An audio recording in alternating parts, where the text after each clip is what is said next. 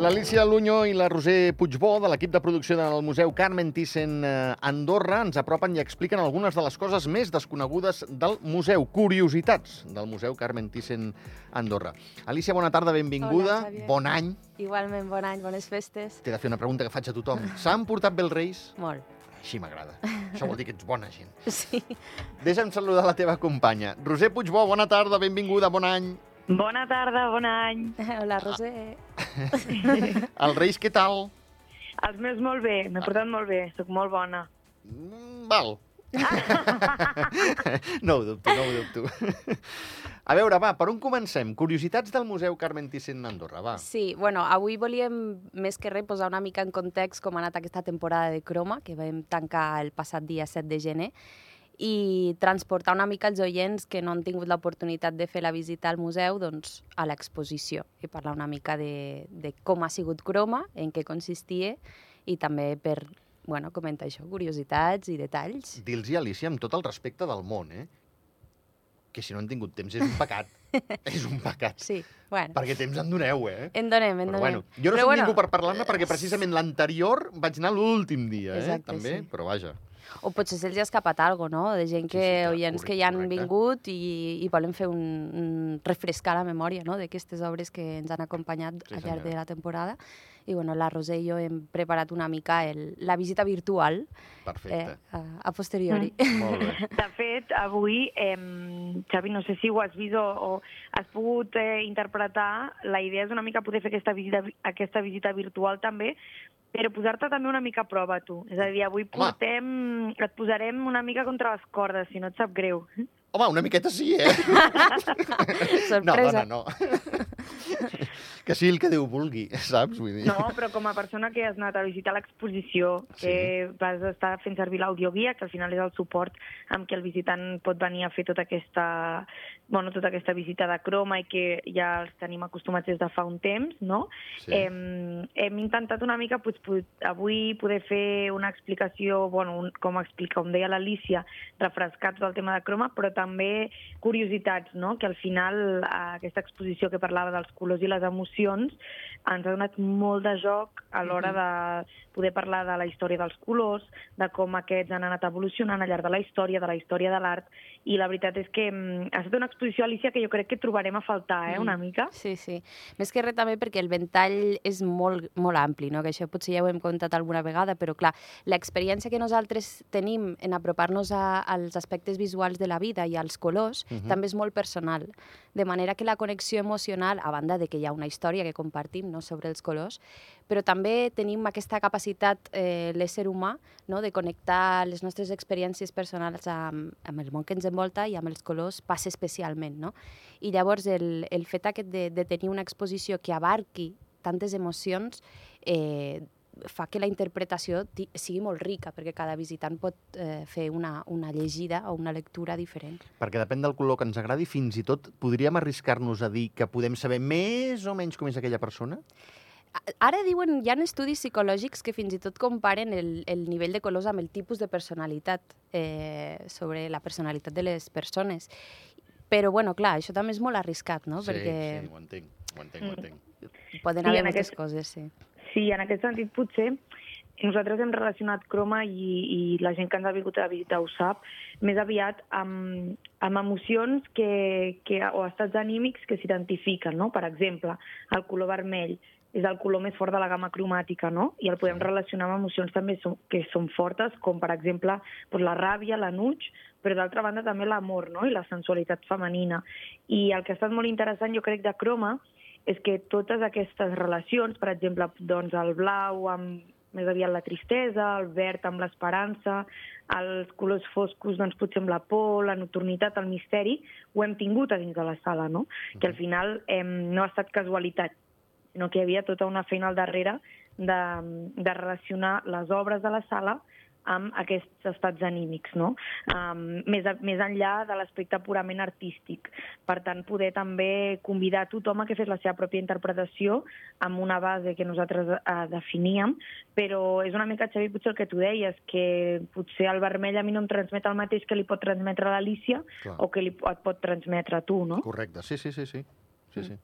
Precisament la nostra visita començava una mica posant en context, quan, quan entrem a la sala, eh, doncs, què, què és el que es trobarà el visitant a dintre.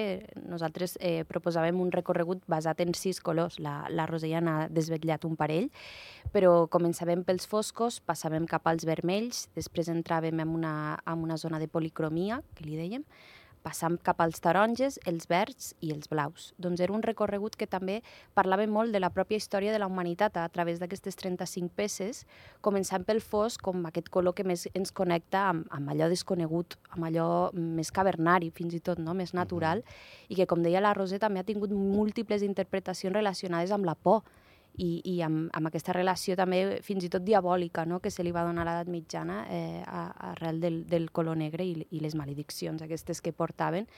I llavors eh, era molt interessant també veure com la història de l'art ha, ha capturat aquesta essència de la diferent interpretació i també mm. una de les, de les més importants que salts històrics que fèiem era a través de, de l'edat victoriana i sobretot al segle XIX, uh -huh. en, aquest, en aquest color concret. Eh? teníem justament una obra de la sortida del Ball de Màscares, de Madrazo, que doncs, eh, feia una interpretació molt més elegant del color negre, no? un, un color negre que ens apropa al món de la nit, al món de la Belle Époque, de la festa. Sí. Eh, I llavors hi havia aquesta, aquesta, aquest canvi de paradigma que, que ens transporta a un altre significat del, dels colors foscos molt diferent. Mm. De fet, eh, nosaltres, a través de les nostres xarxes socials, tot aquest any, hem anat intentant poder explicar això que estava explicant molt bé l'Alicia eh, a través de petits missatges, no? a través de petits sabies que. És a dir, eh, en el cas dels colors foscos doncs, hem intentat eh, explicar una curiositat d'aquests colors que no és tan evident, no? Això que deia l'Alicia, que transmeten la nocturnitat i el misteri que envolta la vida i les emocions i que, de fet, a l'edat mitjana, com deia, el negre es va convertir en el color emblema de la por i la intimidació i després, segles després, els mestres barrocs el van fer servir per poder transmetre missatges de passions i turments a través de la tècnica del clarobscur, no? Eh, i, una mica el que hem intentat també a través de, de les nostres xarxes durant aquest any és eh, que la gent descobrís coses que no eren tan evidents i que d'alguna manera són super interessants. Val. Val. molt bé, molt bé. Eh, recorregut eh, més o menys fet? Eh, bueno, hem fet un, una parada al fosc, eh, ens quedaria tirar cap al vermell. Ja deia la, la Roser que és un color que s'ha relacionat amb la passió i, i aquesta feminitat no? del vermell. També té com aquesta part més negativa eh, arrelada a la feminitat a través de la figura de la fem fatal, mm. aquest vermell que, que, que ens arrossega a la, a la, la, la bogeria, diguem, no? a les passions, però les passions més baixes, diguem-ho així. I després també hi ha una relació molt important de, de la psicologia amb el color vermell i que es representa a través de, de sentiments com, per exemple, la ràbia que deia la Roser, i és el fet de que el color vermell és, és el color que més viatja o que més ràpid viatja a la llum i que, per tant, el nostre cervell capta més ràpidament, no? no. I això provoca una alarma psicològica en el nostre estat anímic i és involuntària i és en qüestió molt de segons, no? I per això mateix està molt connectada amb aquest sentiment de, de rap, ràpid, com la ràbia, no? O, o bèl·lic, de perill. És per això. Val. Que seria una mica el, el, el color vermell. Llavors tenim la part de la policromia, com recordes. Sí. Eh, Xavi, no sé si tu et va cridar molt l'atenció la policromia, perquè el que intentàvem una mica amb la policromia era canviar, no? Sí. Fins al que s'estava acostumat al Museu Carmen Thyssen a Andorra, eh, amb aquesta modernitat. No sé si et va cridar l'atenció o vas, no sé si vas venir amb infants que els hi van cridar l'atenció la part de la policromia. Exacte, poder els infants els hi va cridar més l'atenció. Jo em vaig adonar, Roser, i ara em despullaré davant vostre, eh? de que, de que sóc un carca, mira, què vols que hi faci? Que està molt bé, eh? Que, que, que, és, que és molt xulo, eh? Però, veus, Bueno, l'art contemporani és, és, és difícil de comprendre a vegades perquè també hi ha una, una part de l'art que, que busca un, una crítica i que busca una mena de caos mental, no? de, de treure'ns de, del, de l'aspecte més físic i de la comprensió per remoure una mica els límits del de que es considera art. No? I moltes vegades l'art contemporani doncs, té aquest punt de, de fer-nos preguntes de dir pues no ho entenc, no? Sí. Eh, o què, què vol significar això. Sí I per això de vegades també connecte més amb, amb la part més infantil o la part més juvenil del públic, perquè precisament eh, s'abstreuen molt d'aquesta autocrítica que ja ens fem com a adults, no? o aquesta necessitat constant d'haver d'explicar-ho tot i comprendre-ho tot, no? i és algo molt més natural i molt més eh, explosiu a nivell de creació. Uh -huh. Sí que hi havia aquell quadre que m'haureu d'ajudar, una noia pujant una escala, que apareix, eh, si no m'equivoco, com una mena de, de, del el, el logo o el dibuix que tenia una marca d'antipolilles. Sí, aquest era el taronja, però. Era el taronja, taronja, sí. Era el taronja, és veritat. Mm -hmm. Tens tota la raó. Sí, sí. De fet, si passem al color taronja i a- amb aquest breu resum que estem fent una mica de tot, Alicia, si et sembla bé, I tant. eh, perquè ens doni temps de posar el Xavi a prova, perquè mm, no t'escapes. Val, val.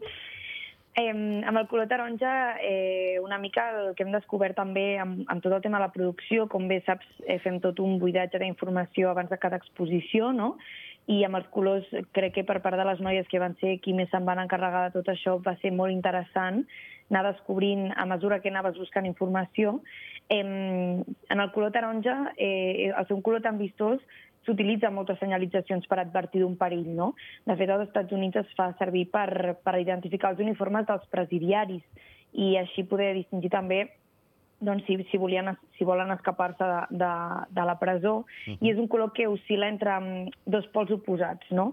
Entre la part de l'energia, la vida, el sol, doncs, les fruites i tot plegat, i després aquesta altra part eh, que és més tirant cap a, si ens eh, fixem en Orient, no? de la transmissió del coneixement a través de, de religions com el budisme. No? Uh -huh. Llavors també aquí el taronja, Alicia, té una història molt interessant al, al, al darrere que hem anat explicant durant tot aquest any i que la gent li creava molta curiositat, jo crec. Sí, exacte. De fet, el, el taronja també és, és, al ser un color secundari, diguem-ne, és una barreja entre el vermell i el groc, una mica parlant d'això que dèiem a nivell psicològic. De fet, l'estat que ens crea veure taronja és com una mena d'alarma, però una alarma positiva perquè el nostre cervell no activa aquest, aquesta mena de perill, sinó que és una, una energia molt diferent. Llavors, tot, tota la connexió oriental també està molt relacionada entre les energies i els colors, i el budisme realment, o, o les filosofies orientals, capturen tota aquesta essència del significat dels colors, tant per la medicina com per les, la, la pròpia psicologia que hi ha al darrere. Carai, molt bé, molt bé. Vinga, va, entès. Més. Passaríem doncs al, al color verd, que com, com també us hem avançat al principi, és un color que té dues cares. No? Per una banda, és un color que s'ha associat eh, molt a, a uns beneficis mm, purament naturals, no? que és la, la pau, aquesta connexió natural, la bonança, l'esperança. Però bueno, també té una connexió una mica perversa. No? De fet, eh, al segle XIX, els químics eh, dels colors verds van començar a intoxicar les persones que, que vivien a cases pintades de color verd, no? I llavors es va convertir com una mena de color també malèfic. I també al segle XIX es va començar a recuperar molt del folklore relacionat amb, amb, amb la bruixeria o amb la, el món de les fades, no? I aquest color verd també associat una mica a, a, al verí. Ostres, doncs sort que és el color de l'esperança. No? Diuen. Valga'm Déu, val, val. Sí, sí. De fet, tots Per els això deia colors l'Alicia, no?, sí. d'aquestes dues parts. I, Mm. I per últim, si et sembla, eh, parlem del color blau, no sé, um, Xavi, si estàs atent, perquè al final tot això està relacionat amb, amb, amb el qüestionari que Ai, ai, ai, ai, ai, ai, ai, ai, ai, ai. Estàs agafant apunts o no? Eh, no. no, no, no, mira, i, i mira que sempre, sempre apunto coses, eh? Avui ni una. bueno, digues, Doncs, digues, últim, va. el, el color blau, eh, re, ha estat considerat el color de l'univers i la vida des de l'antic Egipte, Sí. i la seva representació va ser extremadament difícil, no?, a causa de l'escassetat que tenia aquesta matèria, eh, aquesta matèria primera per, represent, per ser representada. Un dels primers pigments blaus eh, té aproximadament 6.000 anys d'antiguitat, quan els egipcis van començar a importar-lo eh, des de l'Afganistan, i concretament era el lapislàzuli, no? Mhm. Llavors, una mica mm, eh, després, anys més tard, eh, als segles XIV i XV, quan els comerciants italians van començar a importar des de les mines, van desencadenar amb una febre de l'or blau, no, Alicia? Que, Sí, que també exacte. era molt interessant saber que aquest color primari, que era tan necessari, no, costés tant de trobar. De fet, el, li, van, li van anomenar en aquell moment eh, color ultramar, bueno, en, encara se'l denomina així, a la recepta del lapis lazuli, precisament de l'edat mitjana, Val. Perquè els italians que el van trobar pues, eh, el van denominar el color més enllà dels mars. No? i molts segles després també va continuar uh, sent un problema el, el, el color blau i de fet no va ser fins que de pura casualitat el, un tintorer a Prússia va barrejar el, la sang animal amb, amb la pintura eh, de la tinta eh, vermella i l'òxid va crear el blau de Prússia, que és el color que més es va internacionalitzar. Carai, que xulo. Sí, Una sí, història més xula aquesta, veus? sí. Mm. I ara ha arribat el millor moment, m'encantaria poder tenir així com una música èpica de fons, però no sé si serà possible, perquè no ho hem preparat. Música èpica de fons. Eh, Martí, com ho tenim, això? No, però sembla, Mm. eh, podem anar fent entre les dues una pregunta. Ell té vuit preguntes en total. Vuit? Per l'amor de Déu. Val.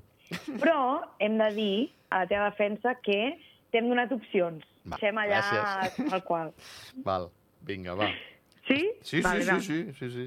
Preparat per fer, el- fer el ridícul, va. Vale, vinga, va. Eh, pregunta número 1. Vinga. Eh, què passa quan barregem els colors primaris vermell, blau i groc? A. Obtenim un color secundari. Opció, obtenim un color terciari. Opció C, no passa res. Per què et decantes? Home, no passa res, no. A veure, sí. Eh, Te les torno a repetir les respostes? eh, Ai, li han ficat un rellotge. de veritat, eh? Quina conxorxa, els tres, l'Alicia i la Roser. Secundari, va. Sí, molt Va. bé. Correcte, molt bé. Vinga, va, ja en tinc una. Vinga, va. Quin color és conegut com la presència de tots els colors? No sé si això... Bueno, ha en ABC, eh? Però n'hem parlat també, aviam. A, blanc, B, negre, C, marró. Jo diria que el negre. Absència La presència de tots els colors. de tots. A, blanc, B, negre, C, marró. Ostres, ara, ara, ara... Quina- No és igual, va, no, no vull canviar, va. Vinga, va, el negre, pues, Negre. pues no. No, val. un a un, vinga, jo m'ho vaig aconseguir. Gràcies, De Martí. fet, és el, és el blanc perquè els colors viatgen a través de la llum. I el negre la- és l'absència. Exactament. No? Val, Exacte. val, val. T'he de dir eh, que a la teva defensa que eh, algunes són senzilles, altres no tant. Bueno, aquesta, aquesta era senzilla perquè el raonament de si el negre és absència de color era, havia de ser el blanc, però bueno, és igual. Com que he respost passa primer sense pensar massa negre, no he volgut canviar. Perquè És que veieu... amb, amb tensió també és difícil fer tots aquests raonaments. vale, pregunta número 3. Va, Quina és la raó per la qual les fulles de les plantes són verdes? Opció A. Contenen clorofila. sí. Opció B. Absorbeixen totes les altres longituds d'ona excepte el verd. Opció C. És simplement un caprici evolutiu. Clorofila. Estàs segur? Eh, segur no hi ha res aquesta vida. segur no hi ha res a aquesta vida. Et quedes amb la teva opció A? Clorofila? sí, va. Incorrecte. Oh. Incorrecte. Dos incorrectes ja, eh? Ai, ai, ai. Va. El, el raonament, Alicia, jo aquí... mm, Bueno, absorbeixen... L'opció correcta és que absorbeixen totes les altres longituds d'ona excepte del verd. Albert, que fort. Val. Mm. Sí. Vinga, som ja a la propera, que segur que hi ha també mm, aquí molta, molta informació que ja hem anat desvetllant al, al llarg de l'exem la banda sonora original Val. i per tant, doncs, pot ser que aquí també també sapiguem quina és. Aviam. Què és la sinestèsia del color? A. Ostres. Veure colors quan s'escolten sons. B. Associar colors amb sabors. O C. Tenir la capacitat d'escoltar colors. Mm. Dubto. Uh -huh. Ah. A. Veure colors quan s'escolten sons. B. Associar colors amb sabors. C. Tenir la capacitat d'escoltar colors. Ah, Diré la A. Molt bé. Sí, no? Correcte, Val, val, bé. val. Bé. Dos a dos, dos a dos. Estic lluny, però t'estic veient suar, eh? Sí, no, no, no ho saps prou bé. Dos correctes ja tenim. Vinga, Anem va. a per la següent. Eh, quin color repel·leix més la calor quan fa sol? Opció A, negre. Opció B, blanc. Opció C, vermell. Blanc, Blanc. Aquí no has pensat ni un moment. blanc, claríssim. Correcte, Ho tinc molt bé. claríssim, bé. ho tinc claríssim. Val. Aquesta Tres. era molt fàcil. Vinga, va. I ara tenim una molt fàcil, també. Els oients segur que la saben. Quin color és conegut com el color de la reialesa? A, blau, B, violeta, C, daurat. Blau. Home. Blau. Correcte, ah. molt bé. M'estic escapant, eh? Ara ja com a molt empataré, eh? 4-4. 4-2 ara ja. Val. Te'n queden dues. Vinga, va. Quin color té la longitud d'ona més llarga en l'espectre de la llum visible? A, taronja, B, vermell, C, groc. Vermell. Molt bé. Correcte, molt bé. 5, M'he salvat! M'he salvat, no? M'he salvat. I acabo amb aquesta. Quin color és l'oposat al color magenta al cercle cromàtic? Aquesta és una mica complicada. Hem de pensar Doncs l'hauria de saber, perquè el, el rosa i el magenta m'agraden molt. Mm? A, verd, Ah, B, blau, C, groc. mira, no ho sé, però et diré el groc. No, oi? No. ni por. Oh. El verd. El verd, val. Sí. Eh, hem de dir que has superat amb, amb bona nota el nostre Bueno, qüestionari. eh, bé, és, un, és, un, és un sofial, eh? No et pensis, eh? No et pensis. és un sofia d'aquells peladets, eh? En fi. Escolteu, que parlàveu del verd i el blau abans i no puc eh, deixar-vos marxar sense dir-vos. Eh, el quadre de la noia, que m'haureu de disculpar, el dels elefants. Sí, Dic el verd perquè era molt verd i dic el blau perquè la nena surt reflexada al, a l'aigua. Sí, exacte. Aquella em va agradar molt. Sí, és el teu preferit. Mira, Bueno. tio raro. No, no, és, és una obra molt romàntica de la Isabel Villar, és una, és una artista espanyola d'aquest estil una mica naïf que se'l diu i és un, un quadre que ens connecta amb l'amor. Alicia Luño i Roser Puigbó, de l'equip de producció del Museu Carmen Thyssen a Andorra. Moltíssimes gràcies. A tu, Xavier. Que vagi Gràcies molt a bé. tu. Espero que hagueu fet també el test que, que, que en- l'examen que m'han posat l'Alicia i, el, i la Roser vosaltres a casa, eh? En fi, demà us ho pregunto, que no tenim més temps. Fins demà. Adéu-siau. Adéu. Adéu, gràcies.